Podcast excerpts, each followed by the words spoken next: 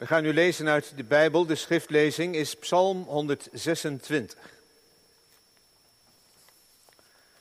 De schriftlezing is Psalm 126.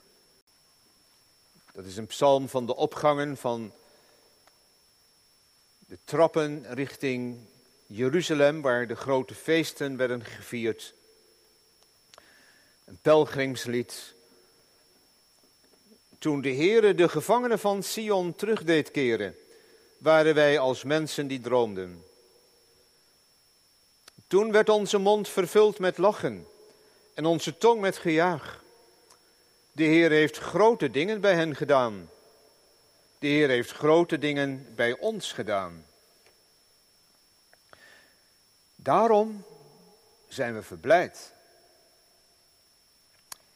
Heren, breng een omkeer in onze gevangenschap, zoals waterstromen in het zuiden. Wie met tranen zaaien, zullen met gejuich maaien. Wie het zaad draagt en dat zaad zaait, gaat al wenend zijn weg. Maar hij zal zeker terugkomen met gejuich en zijn schoven dragen. Dit is het woord van God, zalig die het hoort en gelooft en daaruit leeft. Gemeente van ons Heer Jezus Christus, hier of thuis of waar je ook nu bent, kijkt of luistert. Hij is er in één, twee stappen een bekende Nederlander mee geworden. Die jonge boer Koos Kromwijk, die uh, nadat hij Kamerleden emotioneel had toegesproken, in huilen uit was gebarsten. Boer in tranen. Helaas overschaduwd door de rellende boer. Ja, zo snel kan het gaan.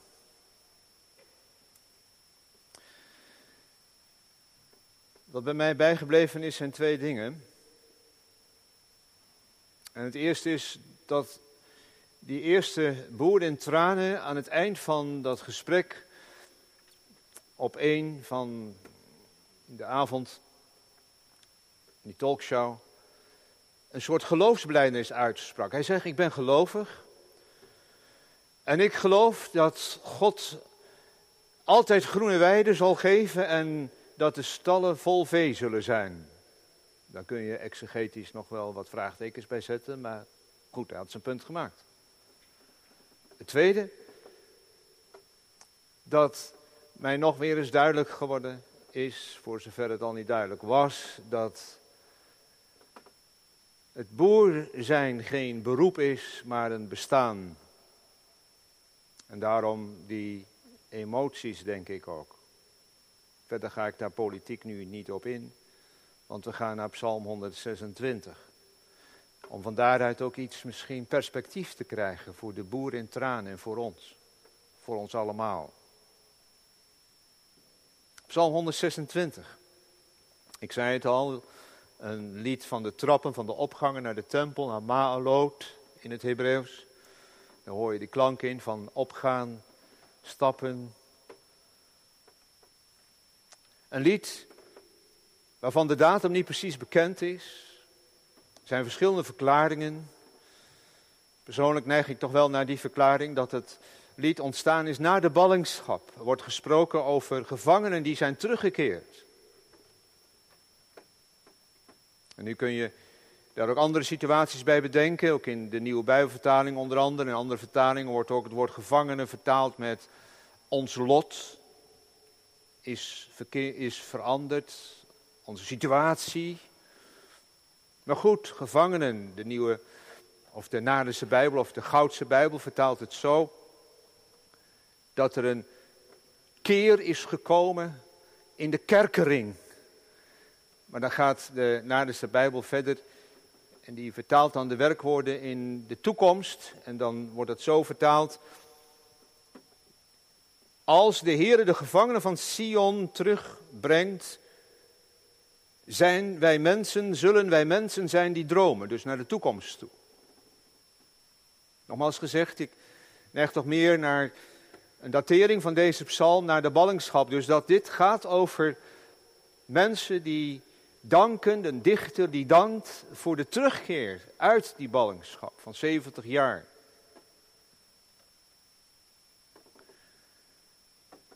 En het heeft indruk gemaakt. Ze moesten als het ware zichzelf even in de arm knijpen van, ja, is dit wel echt zo? Zijn we nu echt dit Babelleven voorbij? Heel veel mensen die teruggekeerd waren, wisten niet anders dan Babel, want ze waren daar geboren. Hoezo terugkeren? Nou ja, terugkeren als volk terugkeren in het land van de belofte. Is het echt? Is het voorbij? De, de omweld, zo gezegd, de, de heidenvolken, we hebben ervan gezongen, ik vond het wel een mooie regel. Toen hieven zelfs de heidenen aan, de Heer heeft hun wat goeds gedaan. Zou wat zijn, hè, dat uh, al die toeristen hier uh, rond de kerk op zondag dan uh, dat gaan zeggen. De Heer heeft iets goeds gedaan aan deze mensen. Kijk eens hoe ze de kerk uitkomen. Dat zijn bijzondere mensen. Nou ja, dat is dan verder aan ons natuurlijk, hè, om dat te laten zien. Maar je ziet die lijn door de hele Bijbel heen.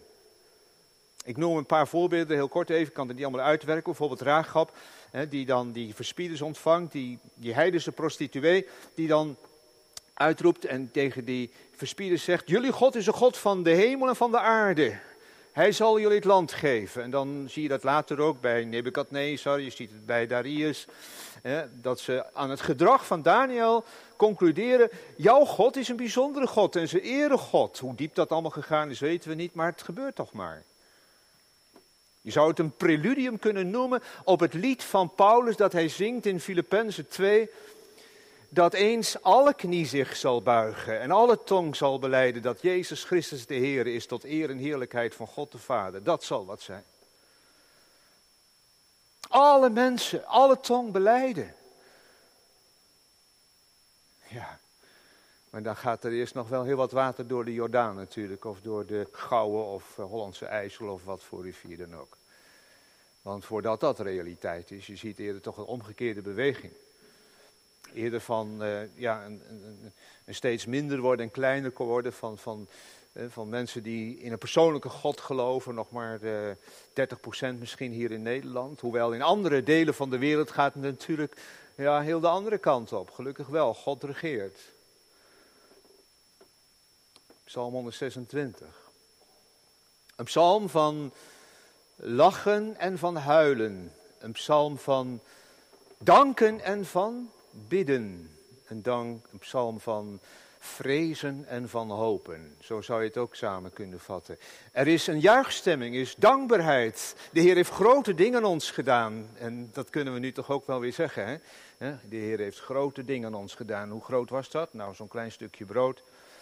Ik uh, denk dat je thuis ook nog even een taak hebt als ouders om dat aan je kinderen nog eens wat verder uit te leggen. Hè, wat is dat nou, dat stukje brood? En wat betekent dat nou? En dat slokje wijn, wat is dat allemaal? Ja, dat, dat moet je thuis nog maar eens uitleggen. Hoe groot dat is. Hoe geweldig dat is. Want we hebben ervan gelezen, we hebben ervan gezongen. Dat, dat nou, de Heer zo ver is gegaan, God zo diep is gegaan, dat Hij zo lief de wereld heeft gehad, dat Hij zijn zoon heeft gegeven, dat Hij zelf zich heeft laten breken. Om het brood voor ons te zijn. Ik kom er straks nog even op terug. Dat. Grote dingen ons gedaan. We danken God naar deze viering. Maar het is nog geen gelopen race, dat weten we ook wel. Hè? Want er staat ook in het avondmaalsformulier, is ook een treffende zin, dat wij dit avondmaal gebruiken om gesterkt te worden, om ons kruis weer op ons te nemen. Hè? Ja? Komt dat binnen? Kruis, op ons nemen. We gaan morgen weer, als het kan, naar ons werk en zo diezelfde dingen allemaal weer te doen. Of als we geen werk hebben, als we een pensioen zijn of andere dingen hebben te doen of niet kunnen werken. We hebben zo ons programma. Ja, maar we zitten hier wel aan het avondmaal, of we gaan aan het avondmaal, om gesterkt te worden daarvoor. Er is nog een weg te gaan, pelgrims. Ze zijn er nog niet. Ze danken voor de bevrijding, maar ineens dat gebed, dat is apart. Ze zijn bevrijd. En dan, Heere, breng een omkeer in onze gevangenschap. Wat is er dan aan de hand? Ik zei al, het is nog geen gelopen race. Er moet nog heel wat gegaan en gedaan worden. En er is nog heel wat ook misschien ook eh, te ervaren aan, aan moeite, aan zorg, aan kruis, maar gevangenschap. Dan kun je dat woord opnieuw vertalen met lot of situatie. Neem het wat ruimer. Maar toch, nu als ik denk aan de geschiedenis van, van Israël na de ballingschap, wat zie je dan? Neem je acht bijvoorbeeld.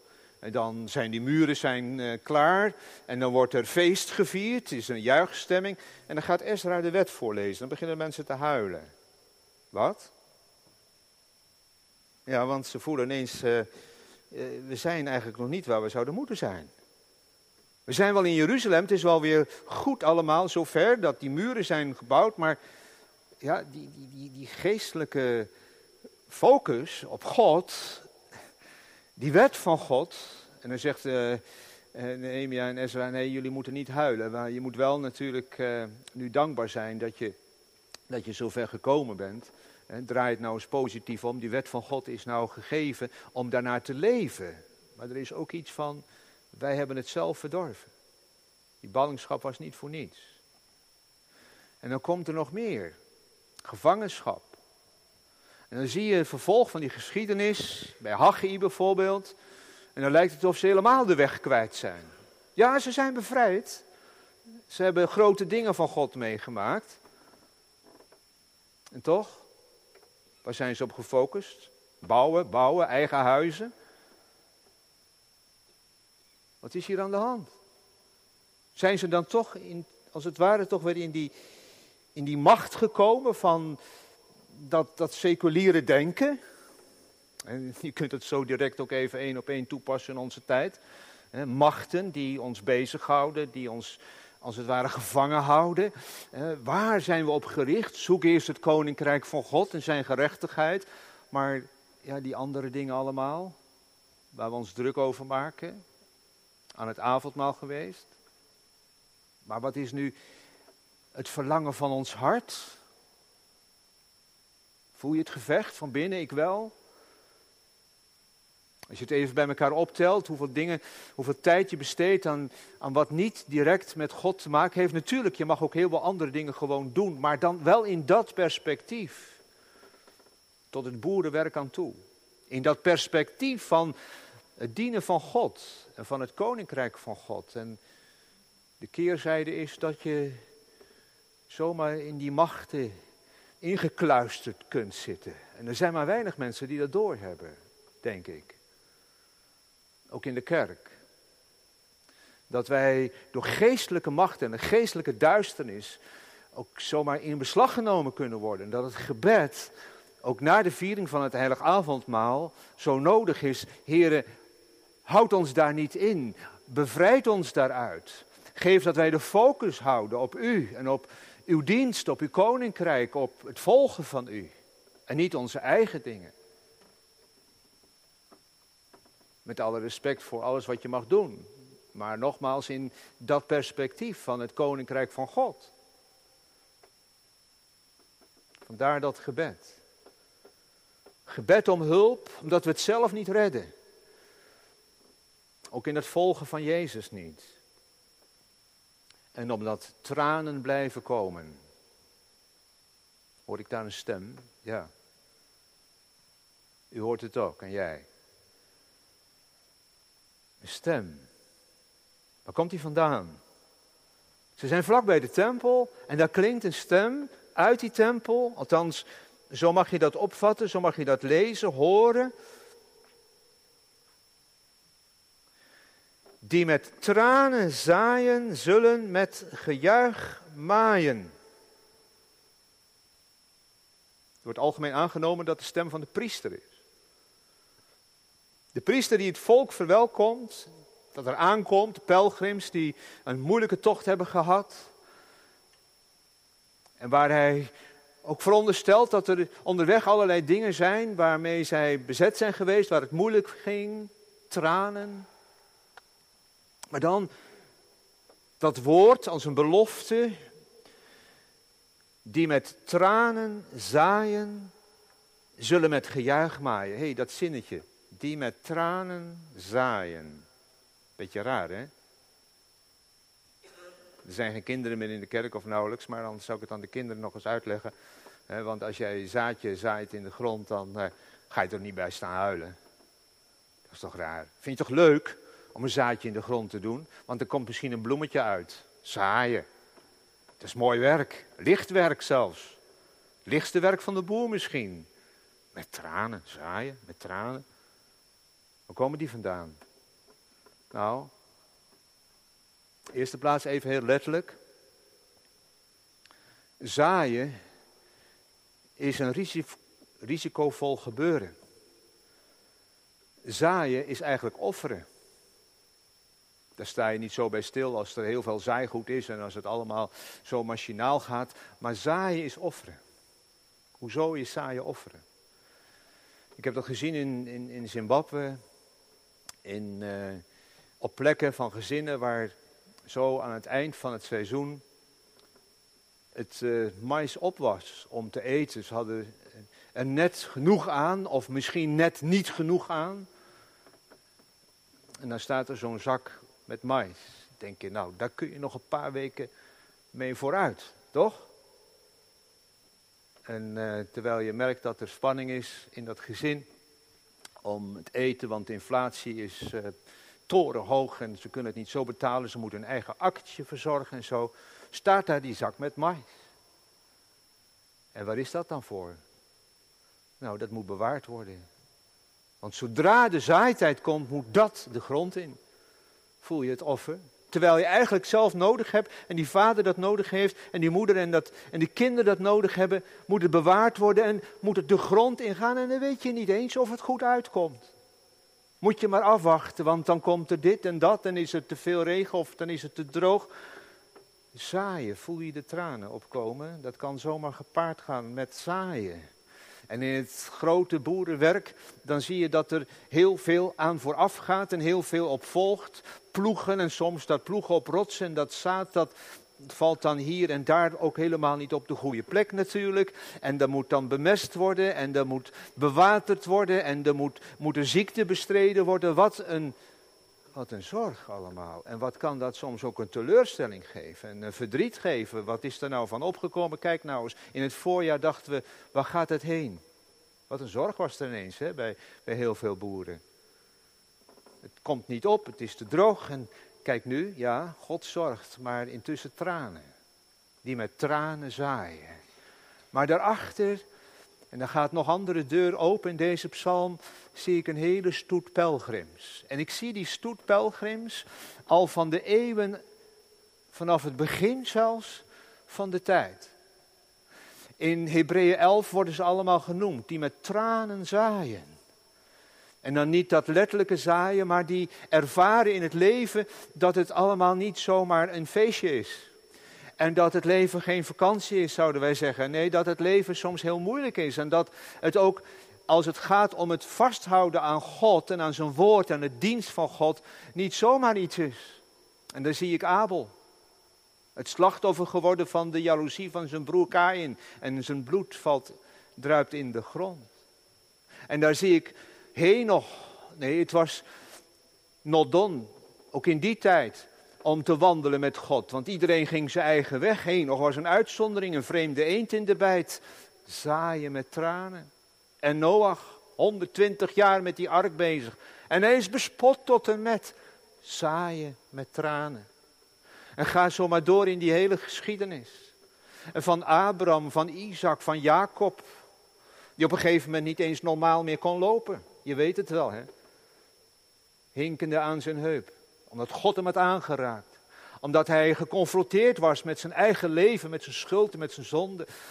Zaaien in tranen. En Jozef. Hij moet een apart kamertje op gaan zoeken als zijn broers komen, want hij houdt het niet meer. Hij, hij barst uit in gehuil. Jozef in tranen. En Zo gaat het de hele geschiedenis door. En Hebreeën 11 geeft er een verslag van. En zelfs Rahab wordt genoemd. En zelfs Simson wordt genoemd. En Jefta en Barak en noem ze maar op. En daar al die profeten. Zaaien en tranen. Ze hebben het woord van God gezaaid. Ze hebben de wet van God en de getuigenis van God hoog gehouden onder het volk. Maar ga naar je eigen land, zeiden ze tegen Amos. Wat doe je hier? En Jeremia in de kuil geworpen. Zaaien met tranen, al die profeten door het Oude Testament. Het woord van God gezaaid, maar wat kwam er van terecht? Zichtbaar. Ballingschap was het einde van het liedje. Niks vrucht. Wegwezen. Met al je strakke gedoe. Voel je? Dat gaat door tot de dag van vandaag. Ja. Saaien in tranen. Ik, uh, ik wil niet zo op mezelf betrekken hoor, maar ik vind het soms best wel eens moeilijk hoor. Zeggen, ja, wat, wat, wat zie je er nou van? Hè? Ik had het, uh, vloog me vanmiddag ook nog even aan. Moet ik heel even kort zeggen, dat staat dus niet op papier, maar toen ik hier naar Gouda reed en uh, ook in Gouda rondgereed nog even, ik was vroeg, denk jongens, wat is dit? dit? Dan gaat je hart huilen, want zoveel mensen die toch zichtbaar, althans voor mij niet zichtbaar, gericht zijn op dat koninkrijk van God. En waar gaat het dan heen? Ja, hoe missionair wil je zijn? Eigenlijk zou je uit moeten stappen, op een eh, terrasje moeten gaan zitten, met die mensen gaan praten en dan in plaats hier in de kerk gaan staan, zaaien met tranen. En ieder die werkt in dienst van Koninkrijk van God, die ervaart daar iets van. Maar ook wij, in de opvoeding van je kinderen, doet het beste en waar is dan de vrucht? Nee, niet negatief doen, alsjeblieft niet. Er is heel veel vrucht. Er zijn heel veel jongeren, heel veel positieve jongeren en toch het kan je ook tussen de vingers doorglippen, die hele opvoeding. En je hebt tranen en je huilt en je ligt ervan wakker. Je kind, je kinderen, niet meer in het spoor van God. Die met tranen zaaien. En dan die stem. Die stem uit het heiligdom. Geef de moed niet op die met tranen zaaien, zullen met gejuich maaien. Het gaat de goede kant op. Het gaat goed met dat zaad dat gestrooid is in geloof. Ook al zie je er misschien zelf niets van, geloof het. Hij neemt het op. Hij zal het doen. Wie is hij? God zelf. Ja, dat is de belofte die hierachter zit. Er gaat nog een deur open in deze psalm voor mij. Dat ik hier achter die stem van die priester, die stem hoor van die grote zoon van Israël. Ja, Psalm 126 is een psalm van en voor Israël. Jullie zullen met gejuich maaien, jullie zullen terugkomen, dwars door alle pogroms en holocaust heen en alle verdrukking heen. God zal zijn belofte vasthouden. Maar dat is vanwege die zoon van Israël, de Messias. Het zaad, gezaaid in tranen. Dan zie ik hem, wenend over Jeruzalem. Jeruzalem, Jeruzalem, hoe vaak heb ik je bijeen willen vergaderen. Maar zoals een hen zijn kuikens. Maar jullie hebben niet gewild, Jezus, in tranen om die mensen die niet willen geloven. Heb je daar ook wat mee? Maar hij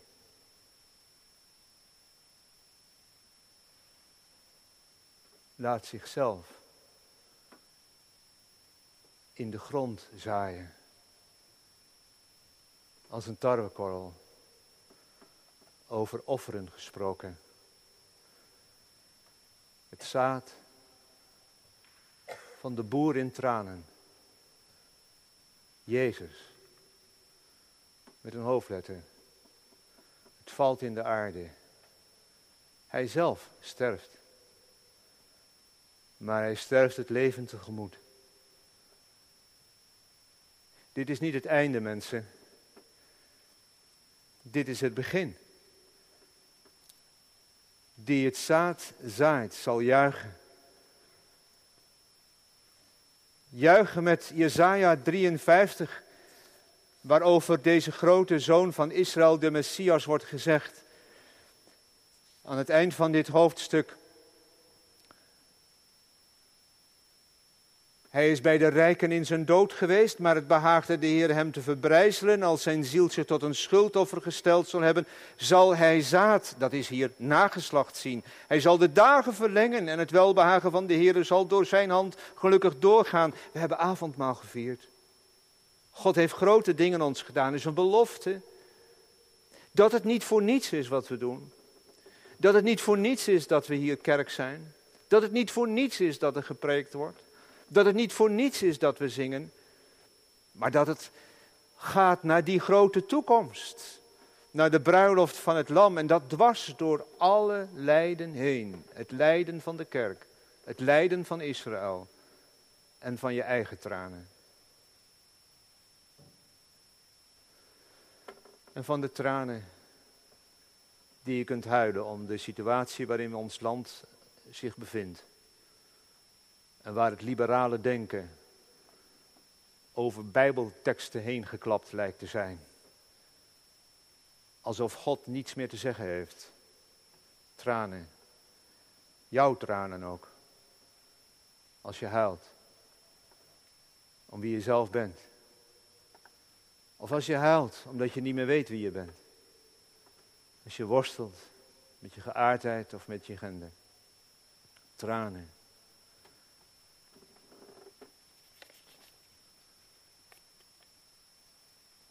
Tranen. Heer die mij ziet zoals ik ben, dieper dan ik mijzelf ooit ken, kent Gij mij. Dat mag ook jij op jouzelf toepassen. Als je daarom helpt. Wie ben ik eigenlijk? Hoe zit ik in elkaar? Die met tranen zaaien, zullen met gejuich maaien. Boer, waar ben je gebleven? Ik hoorde niks meer van.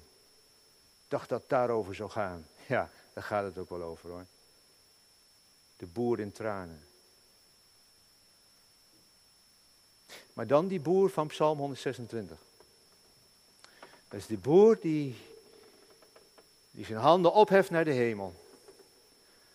Die zegt, Heere, doet u het maar. Dat is die boer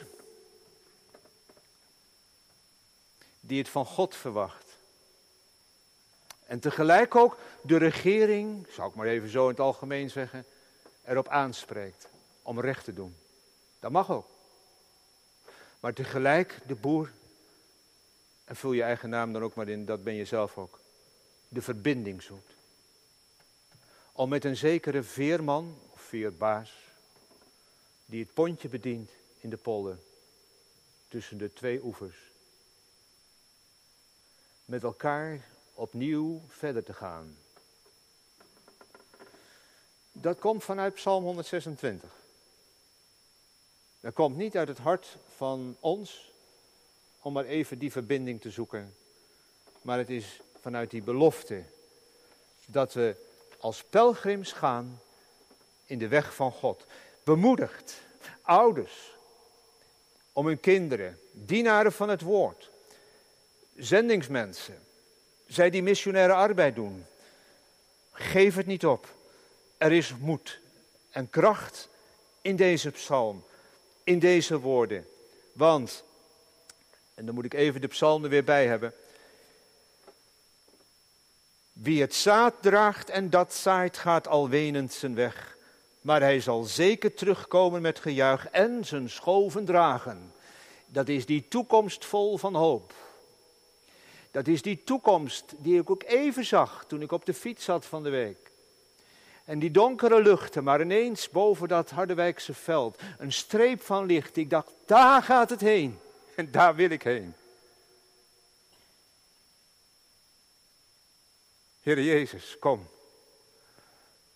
En laat die bruiloft komen. En de alle tranen van de ogen afgewist zullen zijn. En wij eeuwig zullen zingen van Gods goede tieren heen. Aan het avondmaal gezeten, bidden wij en hebben wij gebeden.